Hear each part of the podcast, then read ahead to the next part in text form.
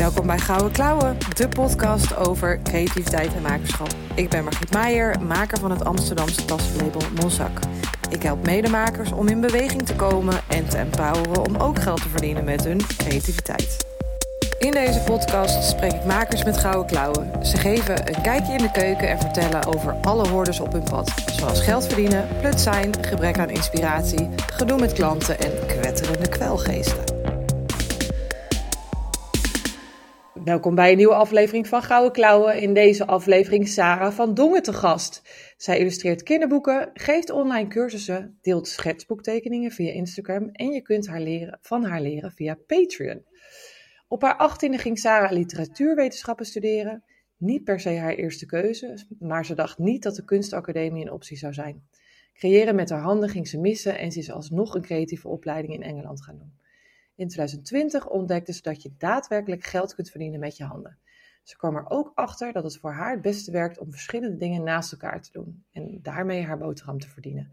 Ja, al die verschillende dingen, daar gaan we het zo meteen over hebben. Maar eerst even hartelijk welkom, Sarah. Leuk dat je er bent. Mm, dankjewel, dankjewel. Leuk om hier te zijn. Ja, en we hadden het al even in het voorgesprekje erover dat jij eigenlijk om de hoek woont, maar dat we nu elkaar digitaal spreken omdat jij even een, even een, een testronde in Rotterdam aan het doen bent. Ja, dat klopt, ja. Ja. Je, je, je past op een huis daar en uh, uh, je bent eens eventjes aan het kijken wat Rotterdam uh, te bieden heeft. Ja, ik heb het idee dat Rotterdam iets betaalbaarder is en mijn familie woont in Rotterdam. Dus ik dacht, dat is een goede optie. Maar mijn vriend ziet het dus absoluut niet zo. Dus um, ja, ik denk dat het bij Amsterdam toch blijft. Even kijken of, uh, of die uh, toch niet op een gegeven moment uh, zwicht. Ja, je weet het maar nooit. Ja, dan moet hij natuurlijk wel mee de stad ingaan als jij als, ja. als je hem vraagt. Ja, ja. Ik, uh, hij is heel standvastig, uh, dus uh, ik denk niet dat het iets gaat worden. Komt hij uit, uit Amsterdam? nee, hij komt ook uit Rotterdam. Maar oh. voor mij is dat dus een reden om terug te gaan. En voor hem is dat dus een reden om niet weg te blijven. Ja, ja. Nou, misschien, misschien moeten we er nog een paar jaar overheen, maar ja, je, je weet het niet. Maar in ieder geval, wij, wij, wij spreken elkaar online. Hartstikke leuk om jou te leren kennen. Ik... Um, kwam je natuurlijk tegen op Instagram. En ik moest heel erg denken aan de kinderboeken die ik vroeger in mijn kastje had. En waar je zo in zo'n wereld stapt. Als ik naar jouw tekeningen kijk, naar je illustraties kijk, dan, dan is het echt zo'n wereldje waar je instapt, waar je van alles kunt ontdekken. Dat vind ik zo leuk. Een soort van, je, je gaat echt op, ja, je, je, elke keer zie je weer wat anders. Dat gevoel heb ik uh, heel erg bij jou, bij, jou, ja. bij jouw werk.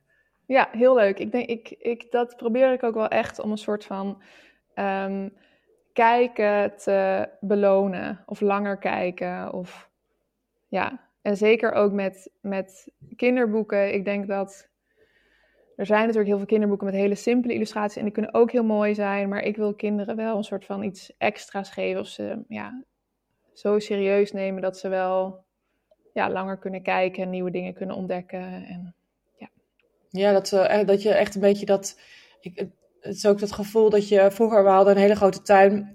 En dan ging je echt op ontdekkingstocht of zo. Je wist wel hoe de tuin eruit zag, maar je kwam elke keer wel weer wat anders tegen. En ik denk dat dat die nieuwsgierigheid uh, als kind hebben en, en echt op zoek gaan naar nieuwe dingen, dat is supergoed voor je, voor je ontwikkeling. En dat ja. zie je steeds minder, heb ik het, heb ik het gevoel. Ja, ja ik, het is heel moeilijk, want er, er komen steeds meer kinderboeken en er is, er is ook best wel veel geld. Vroeger was er veel minder. Nou, er was vroeger veel minder, maar volgens mij verdiende je vroeger meer ermee.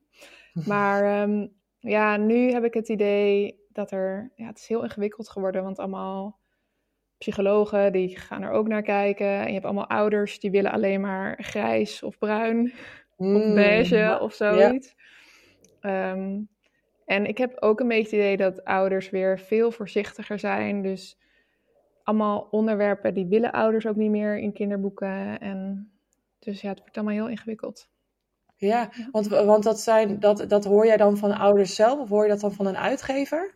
Ja, van een uitgever of in, de boek, of in een boekwinkel. Dat dan. Um, ja, ik snap ook wel dat je op zich niet snel een boek koopt over de dood voor je kind.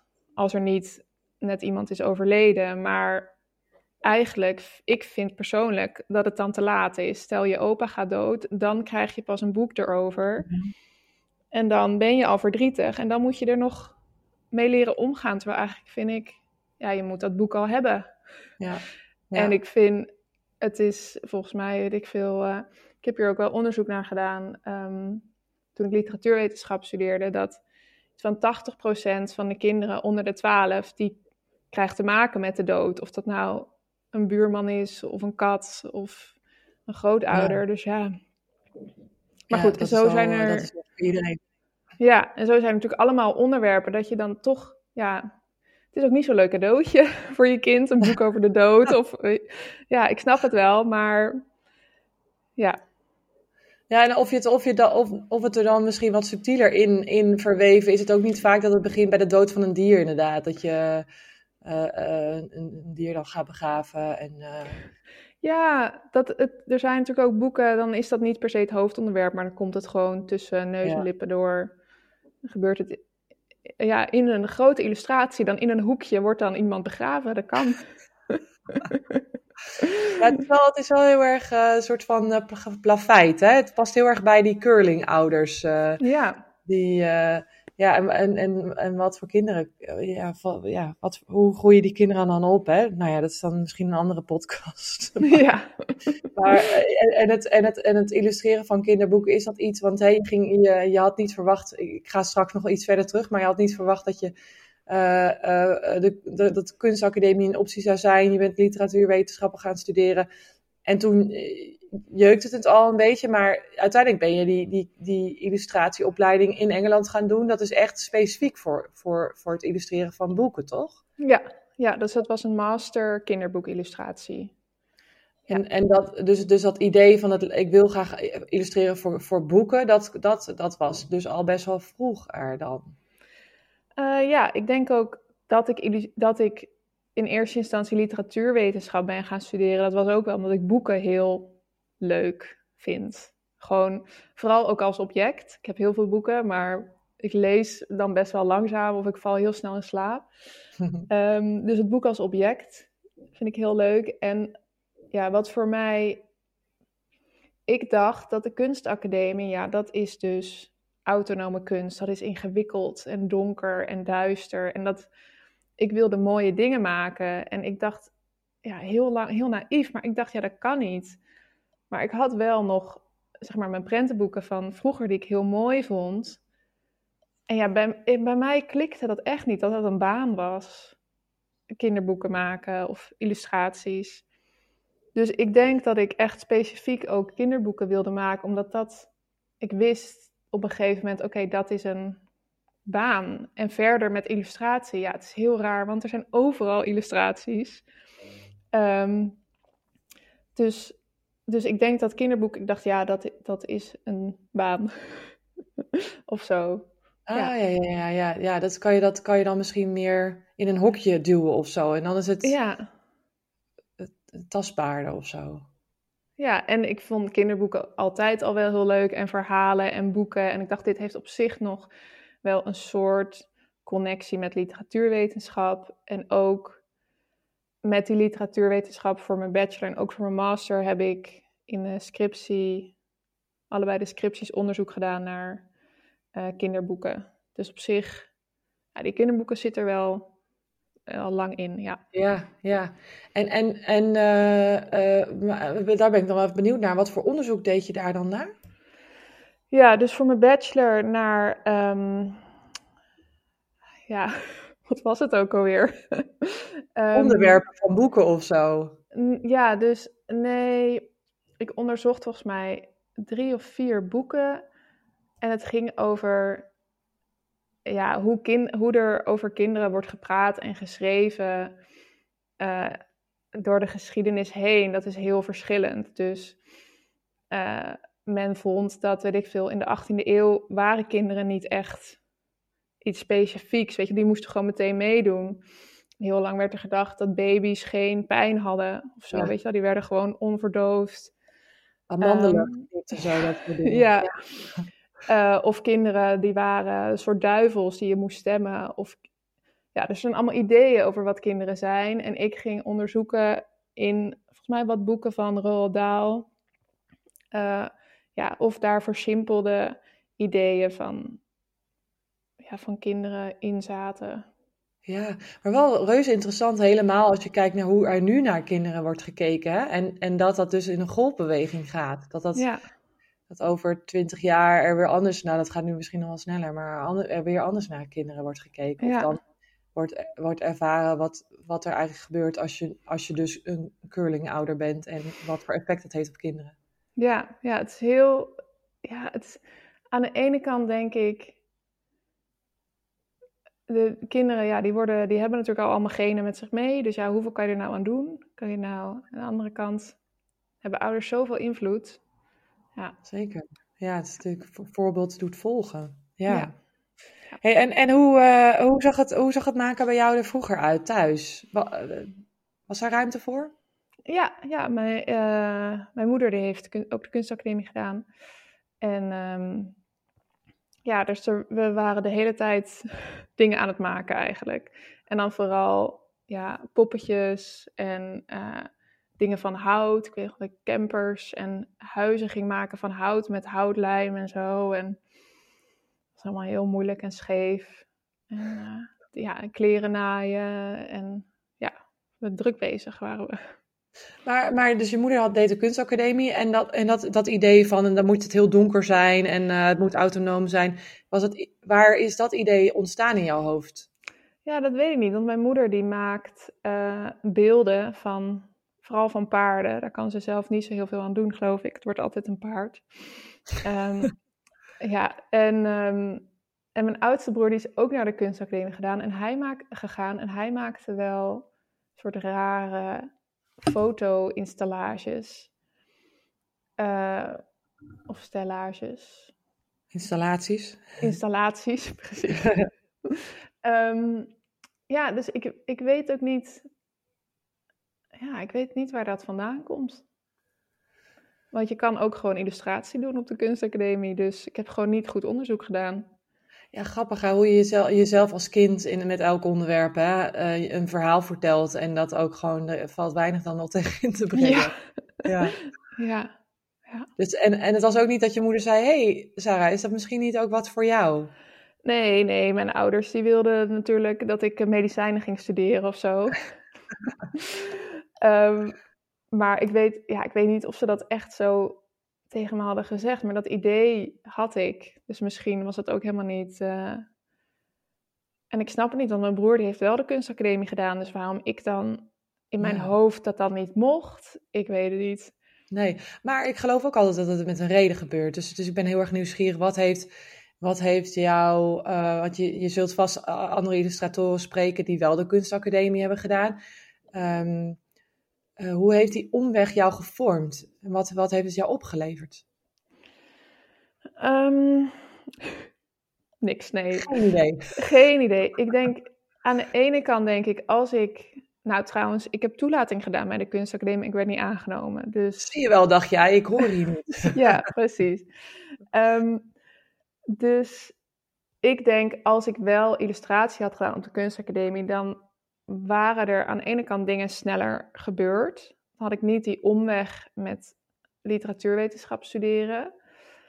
Maar aan de andere kant, ja, studeren, ik vond het zo fijn. Maar twee uur les per week en voor de rest gewoon in een koffietentje en gewoon lekker je eigen ding doen. Ik vond de middelbare school dat je dan elke dag naar school moest. Ik vond dat zo erg.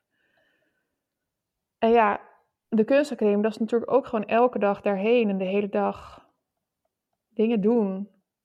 Dus voor mij was dat ik dan zelf mijn tijd in mocht en moest delen ook wel een hele goede les. Ook voor nu, voor als ZZP'er. Ja, ik bedoel, heel vaak zit er niet per se iemand op iets te wachten. Ik moet het echt uit mezelf halen. Ja, of een deadline dan misschien, maar dan nog moet je die deadline wel uit jezelf halen. Of het ja, werk ja, op die deadline is over een maand. Ja, dat is zo ver weg dat, uh, ja.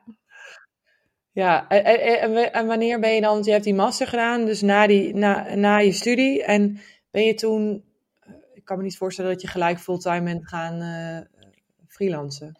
Nee, nee, dus ik uh, heb toen um, uh, parttime in het Rijksmuseum als bewaker gewerkt. En ik had wel ook al het idee van, oké, ik moet nog een plan B, want ik vind dit tekenen heel leuk, dus hier wil ik iets mee, maar dit gaat hem sowieso nooit worden, echt. Dus ik moet nog. En ik dacht, ja, voor je dertigste kan je, weet je wel, is het of dan kan je nog goedkoop een, ehm, weet je wel, je, je dat je les mag geven, hoe heet dat? Ehm, Gewoon doseren bedoel je? Ja, of, ja. ja. Dat je zo een soort opleiding kan doen, dat je nog oh, les geven. Ja. Um, en ik, ja, bij mij was er ook niet heel erg noodzaak. Dus ik was op zich wel elke dag aan het tekenen.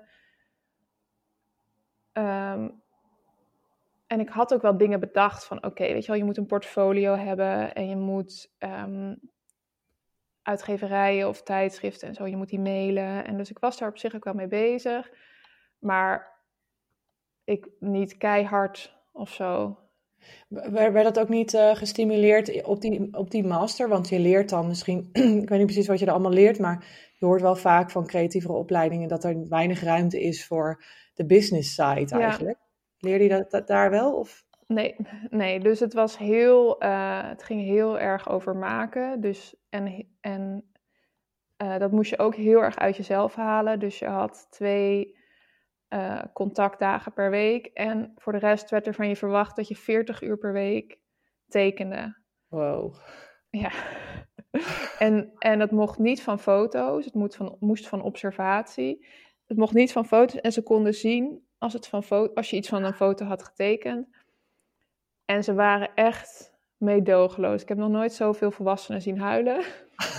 Wauw. En het waren allemaal volwassenen die niet. Uh, die, die, waren het meer volwassenen die, net zoals jij, de kunstacademie hadden uitgesteld. En, uh, of uitgesteld niet hadden gedaan. En dat, en dat harde niet kenden misschien? Het was heel gemixt. Dus er waren mensen die kwamen meteen van de kunstacademie. Die hadden illustratie gestudeerd. Er waren. Uh, ja, heel veel mensen hadden wel toch een, iets van een kunstzinnige achtergrond. Maar er waren ook ja, mensen die uh, filosofie hadden gestudeerd of, uh, of zo. En het was ook heel internationaal. Dus ik denk dat 60% was Engels en 40% was ja, China, Japan, Singapore, Amerika. Ja. Maar je leerde daar dus niks over. Oké, je bent straks klaar hier en dan uh, moet je het sowieso aanpakken als jij daar ook echt geld mee wil verdienen. Nee, dat werd hoe, niet. Uh... Hoe, ben je, hoe, ben je, hoe heb je dat toen aangepakt daarna? Hoe heb je dat geleerd? Ja, ik heb dat eigenlijk dus niet echt aangepakt. Heel lui eigenlijk. um, nou, ik, dat geloof ik niet helemaal als ik naar je nou, site kijk, dat je dat niet, niet ja, hebt aangepakt ik denk, ik heb me heel erg gefocust op gewoon dat tekenen. En gewoon elke dag tekenen. En met het soort idee van, en dan komt het wel goed. Of zo. En um, ja, en toen kwamen er wat opdrachten via Instagram binnen.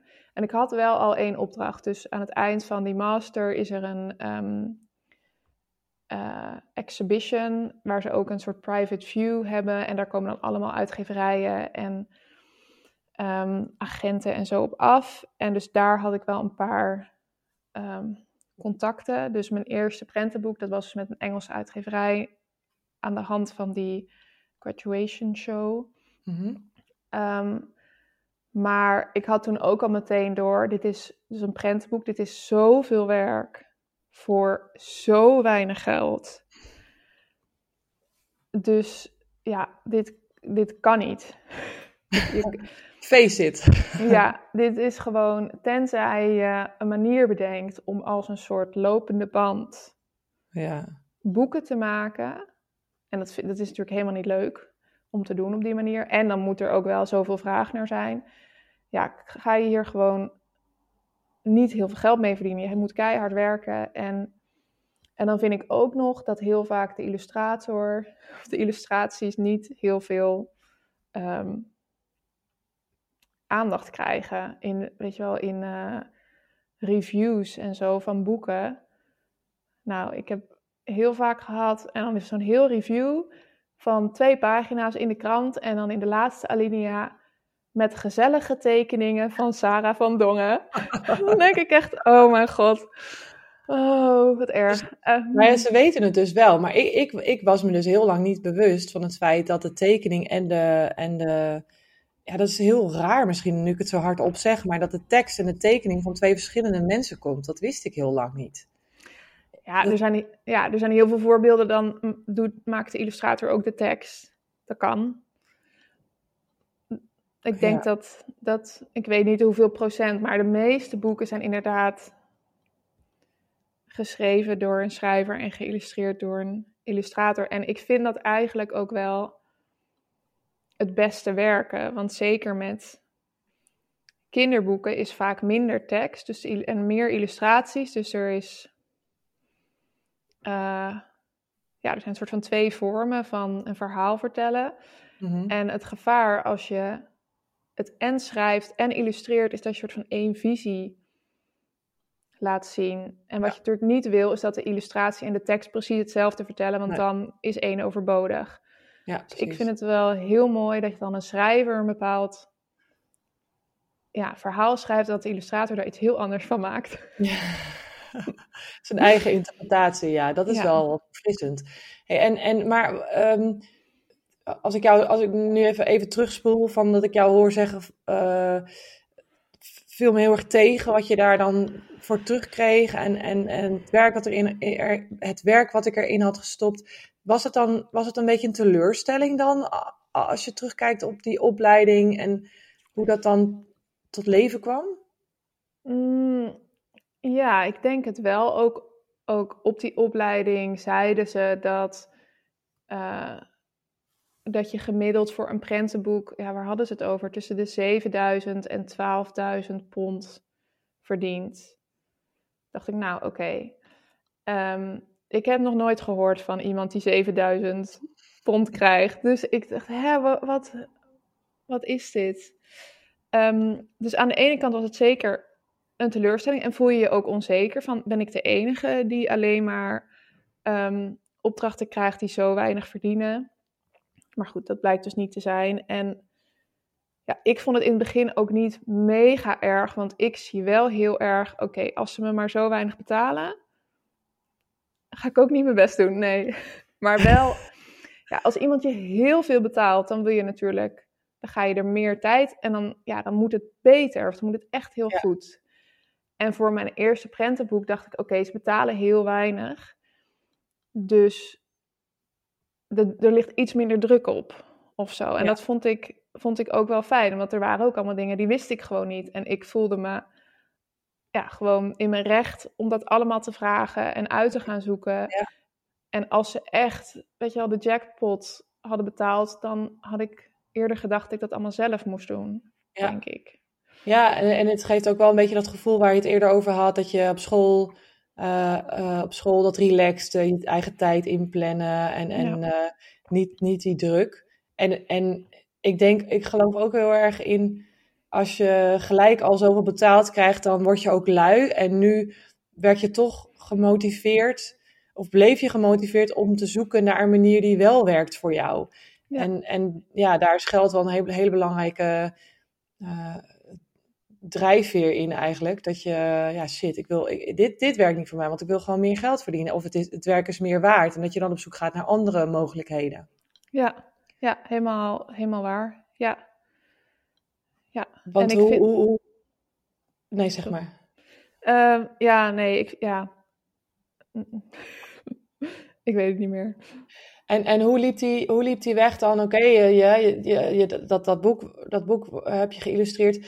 Want je, wat je doet dus allerlei verschillende dingen. Wat ik eerder ook in um, intro zei. Het cursussen, Patreon, um, Domestica. Nou ja, dat, dat, is, dat is dan cursussen. Uh, je Instagram. Hoe, hoe zijn al die, al die verschillende dingen zo op je pad gekomen? En je, je beschrijft ook dat je erachter kwam dat het het beste werkt om verschillende dingen naast elkaar te doen. Dat is iets wat heel veel makers uh, makers vinden het gewoon moeilijk om te kiezen. Uh, en je hoeft ook niet per se te kiezen. Maar nou, ik heb daar allerlei vragen over. Dus ik ben heel erg benieuwd hoe jij daar, hoe jij op dat pad gekomen bent, hoe dat pad eruit zag. Um, nou, dat is een beetje aan de ene kant op mij afgekomen. Nou, ik heb dan het idee dat ik niet heel erg mijn best heb gedaan om dat op te zoeken, maar dat komt allemaal via Instagram. En ik heb natuurlijk wel heel veel tijd daarin gestoken om daar werk op te zetten en werk voor te maken. Ehm, maar de eerste opdracht waarbij ik dacht, oh, je kan wel een beetje geld verdienen, is, dat was volgens mij aan het begin van de pandemie, had ik een een private message van Adobe of ik een kleurplaat wilde maken. Voor online, voor iets van hun. En daar betaalden ze 1000 dollar voor, voor één kleurplaat. En toen dacht ik, nou, dit is een grap. dat kan niet.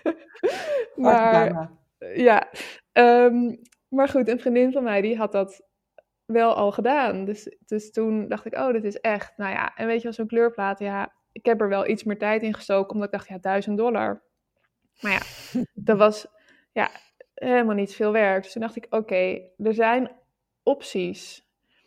En ik had ook wel al meteen door, zo'n prentenboek is zo veel werk en zo mentaal. Je wordt er zo moe van. En, en ja, en het is ook, ja, het is gewoon zoveel werk en het is zo'n groot project. Dus ik had dan meteen, oké, ik kan niet alleen maar prentenboeken doen, want nou, los, dat verdient te weinig en dat vraagt gewoon zoveel energie. Mhm.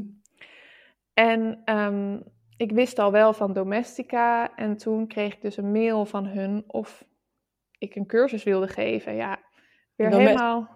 Domestica, even voor de, voor de luisteraars, is dus een platform waar je online trainingen kan volgen voor degenen die dat nog niet kennen. Ja, ja het is Jij werd helemaal blij waarschijnlijk. Ja, het is een Spaans uh, bedrijf. En um, nou, ik dacht, nou, weet je, eerst, ik geloofde het natuurlijk weer niet. Um, maar goed, of ik dus een cursus wilde maken. En ja, dat was weer zo verschrikkelijk spannend en veel werk. Um, ja, en dat heb ik toen gedaan. En echt door Domestica, dat ging dus zo goed toen die die cursus eenmaal live kwam. Want ik heb dus samen met hun een cursus gemaakt. Dat duurde dus vier maanden, denk ik. Wow. En toen, ehm, toen kreeg ik corona. En toen weet ik nog, op de dag of zo, dat ik zou naar Spanje zou vliegen om die cursus op te nemen. En toen zei de producer, dus je hebt een producer die je helpt, die zei nog, oh wat jammer, ik had je zo graag willen ontmoeten. Een soort van, alsof ik dood ging. Dit was het. Ehm, en toen, ja, toen werd het nog maanden uitgesteld. En toen ging ik dus uh, ja, daarheen om dat te filmen in een week. En ehm, toen die cursus uiteindelijk live kwam, liep die zo goed.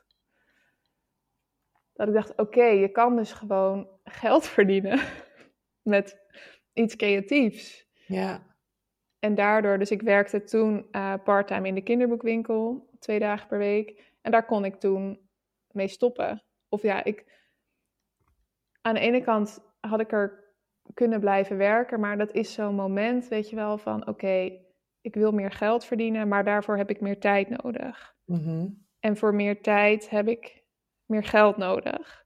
Zo'n soort onmogelijke catch-22. En toen, ja, door die domestica inkomen was er een soort van een beetje ruimte. Dus dan dacht ik, oké, dan kan ik nu stoppen en dan kan ik tijd gaan besteden aan die Patreon, want dat wilde ik al een tijd. Ja. En dat ben ik toen gaan doen. Zo, zo een beetje, zo'n beetje stapje voor stapje is het op je pad gekomen. En dat is natuurlijk ook wel Ehm, het lijkt al nu zo van, oh, jij wordt door Adobe benaderd of jij wordt door Domestica benaderd. Maar wat je, wat je net zegt en wat ik je ook ergens anders heb horen schrijven, die constant dedication, uh, om dus constant zichtbaar te zijn en jezelf te laten zien. In, in, jouw geval meer je werk dan echt, echt jezelf zelf, maar dat maakt niet uit. Je, je, uh, je, je creaties. Uh, dat, dat, heeft, dat heeft gewoon tijd nodig en, en heel veel doorzettingsvermogen en discipline. En ik denk, dat is wat denk ik heel veel creatieve mensen missen. Uh, en, en dus alleen maar kijken naar jouw, uh, um, ik noem maar wat, niet jouw A, maar jouw Z. Ja. en hun A vergelijken met jouw Z. En dat is, dat is gewoon niet eerlijk. En ja, al het werk wat daarin is, in is gestopt, dat zien mensen niet. Nee, nee. Nee, dat is, dat is waar. En het is ook wel moeilijk, want ik vind dat zeker met Instagram. Ja, heel veel mensen hebben Instagram ook niet gewoon voor het leuk, niet voor hun bedrijf. Dus veel mensen zien soms Instagram ook niet als iets wat onderdeel is van mijn bedrijf. Dus ik heb ook uitgeverijen gehad, die betaalden dan heel weinig. En die wilden dan dat ik zoveel Instagram-posts en stories maakte voor dat boek. En ik had toen gezegd, ja, dat vind ik goed, maar dat kost extra, want dat is influencing. Ja. Ehm, maar zij snapten dat dan niet, want zij vonden, ja, maar wij hebben ook ehm, schrijvers of illustratoren die promoten sowieso hun eigen boek. En dan denk ik, ja, maar ja, een schrijver die zijn, zijn persoonlijke Instagram-account met, met 200 volgers, ja, dat is gewoon iets anders als die zijn eigen boek post dan dat ik dat doe. En dat was echt, daar kwamen we echt niet uit. Zij begrepen dat echt helemaal niet. En dat vond ik heel, heel moeilijk.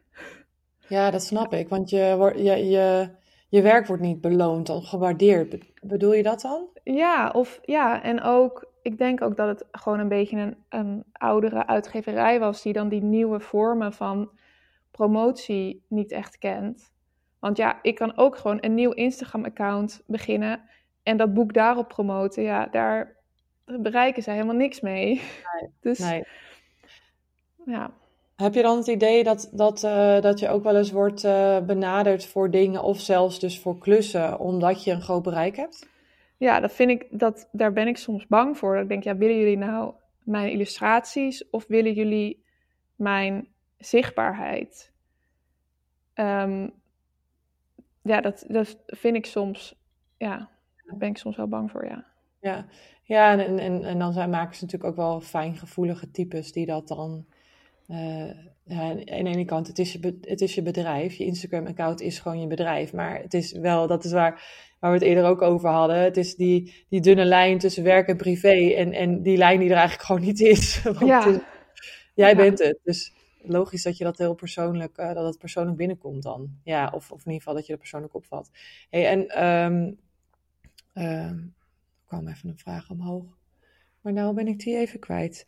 Um, over, we hadden het over Instagram, over uh, aantal volgers. Ja, als je, als je dat, um, als je het, even voor, voor mensen is dat misschien wel goed om, om dat gewoon even zo in harde cijfers te, te horen. Van hoeveel uur of hoe lang denk je dat je daar aan gewerkt hebt om dat neer te zetten zoals dat er nu staat? Je Instagram-account. Um, ik ben volgens mij drie jaar lang heb ik daar elke dag een tekening opgepost. En in het begin was ik, waren er dagen dat ik de hele dag met die tekening bezig was. Ja, moet je nagaan. Ja. En um, dus dat is gewoon bizar veel tijd. En ja. ik deed het ook niet alleen. Ik begon daar niet mee met het idee: oh, ik wil mijn Instagram groeien. Het was begonnen met het idee: als ik beter wil worden in tekenen, dan moet ik elke dag tekenen. En dat is uh, ja, een soort van zelf opgelegde opdracht. Waar niemand op zit te wachten, want het maakt niemand iets uit. Dus ik dacht, als ik dat nou elke dag op Instagram post, dat is heel duidelijk of het nou gelukt is of niet. Ja. Um, dus zo is dat begonnen. En het was begonnen met een vriendin, dat we gingen dat samen doen. Zij is dus na, na twee weken afgehaakt. um, dus ja, daar heeft heel veel tijd in gezeten. En ik dacht ook, ja, die tijd heb ik nu. Want ja, ik moet, ik wil dit, hier moet ik aan werken. Dus ik kan het net zo goed op Instagram posten. En al heel snel kostte het veel minder tijd om een illustratie of een tekening te maken op Instagram. Want je werd gewoon beter. Je werd gewoon beter, dus het gaat gewoon ja. sneller. En heel vaak uh, kon ik ook dingen posten die ik voor iets anders had gedaan. Of weet je wel, dus al heel snel ging er minder tijd in zitten, maar toch, ja, toch best wel veel tijd. ja. Ja, ja, zeker. En je, je, ja, als je er zelf in zit, dan, dan sta je er niet meer zo bij stil, hè, hoeveel tijd het kost. Maar als je dan zo terug gaat rekenen, denk je, jeetje man, dus ik heb er echt wel dedicated, uh, nou ja, wat je zegt, mee bezig geweest. En um, wat, jij, wat jij ook schrijft op je site, nee, dat zeg je volgens mij in een van die hele vet gelikte domestica video's. Ik dacht, was wel nieuwsgierig van, wow, dit is volgens mij de studio opgenomen. Maar ja, je hebt het inderdaad opgenomen in de studio. Uh, heel nice. Maar um, daar, schrijf je, of daar zeg je ook iets over. In tekenen kun je verrast worden, uh, uh, omdat je wat over jezelf kunt leren. Is, dat, is dat ook iets wat je in dat tekenen, dat elke dag tekenen, dat je ook jezelf beter leerde kennen daarin? Ja, zeker. Ik denk dat ja, vooral creatieve beroepen, je, dat je heel erg jezelf in de weg zit of jezelf vooruit kan helpen. Dus ja, ik ben best wel ongeduldig. En um, ik vind eigenlijk, ik heb een beetje tegenovergestelde van perfectionisme. Dus ik vind al best wel snel, vind ik het goed. Um, dus ja, je hebt allemaal eigenschappen die je, ja, daar moet je een soort van soms tegen vechten. Of, dus die kunnen heel confronterend zijn. En aan de andere kant zijn die ook heel fijn. Ik denk heel veel, heel veel eigenschappen zijn dubbel. Doordat ik niet zo perfectionistisch ben, kan ik juist heel makkelijk dingen maken. Want ik mhm. heb niet die stem in mijn hoofd die zegt: Oh, dit is lelijk of dit is niet goed genoeg. En doordat ik ongeduldig ben, werk ik best wel snel of zoek ik materialen die snel resultaat hebben. Dus ik ga niet met kleurpotlood een heel groot ding maken, want het duurt gewoon veel te lang. Ja. Dus in dat opzicht kom je jezelf wel tegen. En vooral ook, ja, je wilt iets. En ik denk dat dat echt met alles is. En met, bijvoorbeeld met sporten is dat echt heel duidelijk. Ja, je wil wel sporten, maar je wil eigenlijk gewoon op de bank liggen. Weet je wel, dat zijn twee dingen die je allebei wil. Je wil gezond zijn, maar je wil gewoon... Ja, en je moet toch naar de juiste luisteren en dat gaan doen. En niet lui ja, gaan zitten niksen. Ja, en, en, en, en, dat je je daar bewust van bent al van die twee stemmen. En dat je je al bewust bent van het feit dat je naar de een kunt luisteren en de ander niet zo serieus hoeft te nemen. Dat is natuurlijk al geweldig. Ik denk dat heel veel mensen daarin nog niet zo wakker zijn. Uh, dat wordt wel steeds beter, gelukkig. Uh, maar, en het is inderdaad altijd van ja, het is het, het makkelijkste om nu inderdaad op de bank te gaan liggen. Maar eigenlijk wil ik gewoon fit zijn. Of wil ik me mentaal goed voelen. Of wil ik een, um, een fit lijf. Of in mijn bikini passen. Ik noem maar wat. En dan moet je jezelf af en toe gewoon even dat duwtje geven. Van ja, oké. eh, we gaan het gewoon doen. Niet over nadenken. Gewoon gaan. En, en zo leer je jezelf eigenlijk, of leer je die verschillende stemmen beteugelen. En, en af en toe ook niet, als je je week niet hebt of de, je dag niet hebt. En dat is ook prima, maar dat je je dat je er dan ook voor kiest en je er dan dus ook niet schuldig over hoeft te voelen. Ja, en dat is, ik denk dat dat heel moeilijk is, want mensen die eenmaal doorhebben, oké, ik ga het gewoon doen, weet je wel, die, nou ja, ik zie dat bij mensen om me heen, weet je wel, die raken gewoon verslaafd aan sport of aan gezond eten. En als het dan, ja, dat kan niet goed blijven gaan, maar ook met tekenen of weet je wel, ja, je kan wel vinden van jezelf dat je elke dag iets moet maken en moet tekenen. Maar ja, je moet ook gewoon rust nemen. Je hoeft, dat is ook heel goed voor je lijf om te stoppen met sporten of voor je creativiteit om gewoon even niet iets te maken. Ja, ja en, dat, en dat is dus denk ik dan dus ook kiezen voor, uh, gewoon bewust kiezen voor, voor het een of het ander. En niet, uh, want ik denk dat dat, dat uh, doorslaan ook te maken kan hebben met jezelf straffen. Uh, maar het is nog niet goed genoeg, precies in dat perfectionisme wat je eerder zei. Of uh, nee, ik mag niet stoppen, want als ik stop, ik heb daar ook heel lang last van gehad. Als ik, uh, ik moet wel hard werken, want als ik niet hard werk, dan komt er niks. ja. Dat zit ook wel, zit, zat er ook wel in mij. Ik ben dat stuk ook wel heel erg aan het opruimen. Want waar komt dat nou vandaan? Het gaat in mijn geval alleen maar over je waardig of je onwaardig voelen. En dat, dat komt gewoon uit je kind, uit je jeugd. Ja. maar ik, ik ben wel benieuwd hoe jij dat ziet. Als je dan om jou heen kijkt naar collega's die, die net zoals jou gewoon lekker groeien en, en daar echt serieus mee bezig zijn. En mensen die, die dat wat minder makkelijk afgaat. Ik heb altijd het gevoel, als je echt duidelijk hebt van dit is mijn richting. Uh, en die, die, kan, die kan, natuurlijk kan je daar een beetje van afwijken, maar dat je weet van ik, ik ga daar naartoe werken. Of dit is wat ik heel graag uiteindelijk zou willen kunnen of, of doen. Of dat, dat zo'n doel en de zekerheid van, van ik ben op de juiste plek, ik ben dit, ben dit aan het doen, makerschap is voor mij, uh, dit is mijn leven, ik ga alles erin stoppen wat ik heb. Uh, dat, dat, dat, dat, dat, dat, dat dat de weg is naar succes. En dat makers die minder dat doel hebben, omdat ze gewoon heel onzeker zijn over het überhaupt wel voor hun weggelegd is, dat het daar dan een beetje stokt. Hoe, hoe zie jij dat? Ja, ik, ik, ik ben het daar heel erg mee eens. Ik denk dat wat voor mij, uh, dat het voor mij duidelijk was dat ik dit wilde doen, was omdat ik tekenen gewoon heel leuk vind. Dus ik ben blij als ik dat aan het doen ben. Um, ik vind dat een hele belangrijke uh, onderdeel ervan. Want als je blij bent als je tekent, dan blijf je tekenen en dan word je beter. En, dan... Ja. en ik denk um, dat dat heel belangrijk is dat je, dat je wat jij wil doen, dat je dat zo inricht dat het fijn is en leuk. En, en dat is ook alweer heel moeilijk, want ja, het maakt niet uit wat je doet, al is het je droombaan. Er zijn altijd onderdelen die zijn niet leuk. Mm En ik ken ook mensen, ja, die, die denken dan, oh, dit vind ik niet leuk hieraan, dus dan is het hele, deze hele richting niks voor mij. Ja, ja, ja. En dat, ik snap dat echt niet, want aan echt alles zitten stomme kanten. Dus ik snap niet hoe dat in je hoofd komt, maar ja, een, een creatief beroep of een, een, makerschap is ook echt inderdaad voor de, de long run.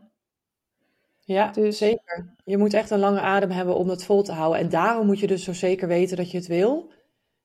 Anders hou je het niet vol, wat je net ook zegt. En ik denk dus dat mensen. Uh, we zijn uiteindelijk gewoon hele. Ja, uh, hoe zeg je dat? Basale wezens of zo. Als in dat je dus wat jij zegt, ik, ik, nee, ik stop ermee, want ik vind boekhouden niet leuk. Ik noem maar wat, hè. Dat je dat, dat, je dat zegt, omdat je eigenlijk een excuus nodig hebt om ermee te stoppen, omdat je uh, failure voor wil zijn. Ja. Dus dat je zelf kiest voor die failure voordat het je kan gebeuren, omdat het dan nog pijnlijker zou zijn. En zo zijn we onszelf als mensen eh, over dingen die we heel spannend willen uh, vinden, maar misschien wel heel graag willen, onszelf constant aan het saboteren. En dat is, ja. als je daar de angel uit kan halen van, jeetje, wat doe je, wat gebeurt er nou? En waarom vind ik het dan spannend? Dat, het is, ja, dat is dus zo bazaal, maar waar... De, daarom zeg ik ook altijd, de sleutel tot succes ligt niet op Instagram. Of ligt als ik een illustrator ben uh, en jij veel verder bent dan ik, in jou. Nee, die moet je zelf vinden in jezelf. En precies op die manier wat jij beschrijft. Dat je, dat je gaat zoeken van hoe kan ik nou iets wat ik zo leuk vind op zo'n fijn mogelijke manier doen in mijn leven. En dat je daar de ruimte voor neemt ook. Ja. Uh, dus dat is zo zonde dat er zoveel, vooral vrouwelijke makers zijn die zichzelf klein denken. En allerlei excuses gaan bedenken om het niet te hoeven doen.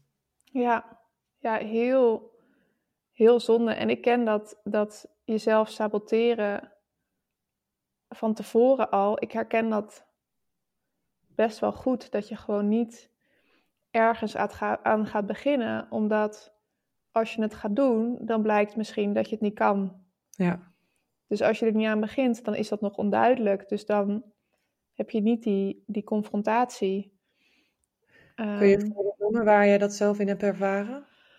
Nou, ik, uh, ik heb dat wel met in het begin had ik dat wel heel erg met, met, um, met onderdelen van tekenen. Dus dan ja, was ik niet zo goed in mensen tekenen. Eerst tekende ik helemaal geen mensen. En ik dacht, nou, als ik daar ook niet aan begin, dan... Ja, kan het ook niet fout gaan. kan het ook niet fout gaan. Maar dat is ja, zo'n ja, rare manier van, van denken. Ook omdat, ja, als iets fout gaat, dat geeft helemaal niet. En met tekenen, als iets lelijk is, ja, dat hoort erbij. Er horen gewoon allemaal lelijke tekeningen. Er moeten gewoon honderd lelijke tekeningen en dan heb je één goede. Ja. Ja, en die honderd heb je nodig gehad om die goede te maken. Ja. Maar, ja, ik denk dat het ook een beetje de tijd is, dat de tijdsgeest. Van het moet snel perfect zijn. En ehm, je wil gewoon snel, je wil eigenlijk gewoon ervaring kunnen kopen ergens. Ja, maar ja. Dat kan niet, je moet het leren. Dat kan niet. En ook, ik denk ook wel ehm, dat het ook heel fijn is dat iets zoveel tijd kost. Want daardoor zijn er ook gewoon niet heel veel mensen die dit doen. Want als, het, als je het kon kopen, die ervaring of die skills, dan hadden zoveel mensen hadden dat. Ja. En dan was het ook zoveel minder waard. Want ja, als je ergens zo erg je best voor doet, dan, dan is het ook heel erg veel waard. Als je ergens heel veel tijd in steekt, dan, ja, dan ben je daar trots op. En ja, maar ja, als je gewoon iets koopt, ja. Ja, ja en dat, dat vind ik ook zo mooi dat je dat ook, dat je dat ook echt, uh, dat je daarvoor bent gaan staan toen je werd gevraagd van, hey, kun je nog even wat posts doen over, die, over dat boek? En dat je, dat je echt voor jezelf uh, nou ja, gevochten hebt van, nee, verdorie, ik heb daar gewoon tijd in gestopt en het is iets waard. Ja. Um, dat, dat, ja, dat is belangrijk. Ja, ik doe dat nu uh, bij elke opdracht die ik krijg, vraag ik standaard meer geld. Dat is goed. Um, ook als een soort oefening, omdat je dat, dat spannend is in het begin. En, um, nou, en heel vaak is er geen meer, meer geld, maar heel vaak ook wel. En ja, het is nooit dat mensen zeggen: Oh, laat dan maar, dan zoek ik wel iemand anders. Nee, nee ik denk ook dat ze, dat ze dan ook wel meer respect voor je hebben. Als jij hoog inzet en zegt, oh, je, zo, die neemt zichzelf serieus. Ja, sorry joh, we kunnen het niet betalen, maar we willen je wel heel graag. En dat je, als jij dan zakt, daar is no failure uh, there. Uh, mm. Maar dan is er wel, dat zie, het is gewoon heel anders. De, de energie en de, de samenwerking begint al heel anders dan wanneer zij denken, wow, dat is goedkoop, ja, let's go. nou, die meid die heeft geen grenzen, laten we daar nog eens een paar keer overheen gaan. ja, ach. Ja. Ja, en ik denk ook, ik, ja, weet je, en geld is, is, is ook niet alles. Um, als iemand niet kan betalen wat ik wil, maar het is wel een heel vet project. En ik kan het op mijn manier doen. Dus heel vaak zeg ik dan: Oké, maar dan wil ik de deadline, wil ik dan, want dat komt mij beter uit. Mm -hmm. En ik wil dan maar één feedbackronde en niet zes, want Ja. dat kost heel veel tijd. Dus je kan dan allemaal eisen stellen die, als zij de jackpot betalen, kan dat soms niet. Nee, nee dus zo, zo kan je dat ook weer eh, eh, naar je hand zetten. Ja, en ik heb ook heel vaak dan, eh, ja ik, ja, ik ben het er ook weer niet helemaal mee eens, maar dan, ja, dan geven ze extra exemplaren van het boek of zoiets, want je krijgt er dan 10 of 20 of zoiets sowieso. Maar dan, ja, dan wil ik er 50 meer, want die kan ik dan gewoon verkopen. Ja, ja, ja goeie. Om, om in meerdere smaakjes dan te denken. Ja, want ook, ik zie ook heel erg, oké, die kinderboeken, dat verdient niet veel. Maar doordat ik die kinderboeken, die ik tot nu toe heb gemaakt, doordat die er zijn en zijn uitgegeven, vertrouwen mensen me, of, weet je wel, of, of Ja. gaan ze mijn domestica cursus doen, of... Dus het hoort er wel echt bij. En ik vind het ook echt heel leuk Ja, eh, om te doen. Dus, maar het is niet... Ja, heel veel van die opdrachten, die staan gewoon niet op zichzelf. Het is niet alleen het geld en alleen het maken. Je hebt dan ook die ervaring en het zit in je portfolio, het staat op je website. En dan gaan mensen, ja, die hebben meer vertrouwen in je, of meer aanzien. ja het is echt die expertstatus die je dan steeds meer verhoogt. Ja. Dat ze eh, echt in een professional te maken hebben. Ja. Ja. Hey, en jij hebt zelf ook een podcast. Dat vond ik nog wel even interessant. Niet per se de podcast, maar wel de, de titel. eh, Thriving Women. Ar- women Artists. Is het? Ja. Mhm. Ehm, en dat spreekt mij ook heel erg aan. Want volgens mij eh, je waarde bepalen en ehm, grenzen aangeven. En ehm, ja, jezelf serieus nemen. Dat, dat, dat is voor vooral vrouwen heel erg eh, uitdagend. Is voor mij, voor mij een onderwerp wat ik steeds interessanter vind. En wat voor mij echt wel een soort van stip op de horizon is. Van ja, Mhm. vrouwen daar. Oh, ik heb zoveel zin om, om die vrouwen eh, te, te inspireren en aan te zetten. Eh, hoe, hoe, hoe, maar, hoe kwam het dat, je, dat jij, eh, wat jullie op die manier die podcast ingestoken hebben? Ja, die naam was niet mijn idee. Maar uh, van mijn podcast-collega Ping He. Zij, uh, zij had dit bedacht. En volgens mij vooral ook, zij is echt een badass businesswoman. Dus het is heel bijzonder wat zij allemaal uh, bereikt. En zij heeft een kind. Dus zij ziet ook heel erg ja, dat ook vrouwen in haar omgeving volgens mij, ja, dat. Ik weet niet waarom, maar vrouwen hebben, die gaan ook allemaal andere dingen doen. Terwijl, nou ja, vrouwen die gaan ook uh, het huishouden doen. Of die gaan, weet je wel, dat heb ik ook. Voordat ik kan gaan illustreren, moet ik eerst even opruimen en even. En mijn vriend die kan gewoon meteen, die doet zijn laptop open. Het maakt niet uit wat er om hem heen aan de hand is. En hij kan, hij begint meteen met een uurtje factuurtje. Ja. En ik, ja, ik weet niet of dat echt, of dit nu heel een beetje simplistisch is en vrouwen over één kam scheert, maar... Nee, maar het is gewoon feiten. Het is, zijn gewoon feiten. Vrouwen zijn veel meer gemeenschapsgezind. Die Ja. zijn, dat zit gewoon in ons DNA, dat we veel meer bezig zijn met onze omgeving dan met onszelf. En dat is heel mooi, maar het zit ons ook heel erg in de weg. Ja, en ik denk, er zijn natuurlijk heel veel eh, makers die hebben, die hebben gewoon een fulltime baan, die hebben een gezin, die moeten geld verdienen, die moeten ehm, het huishouden doen en die willen dan misschien gaan beginnen of ze willen creatiever zijn of ze willen en misschien willen ze daar dan hun baan van maken, maar je moet dan gewoon over het algemeen zit iedereen's leven zit gewoon al vol.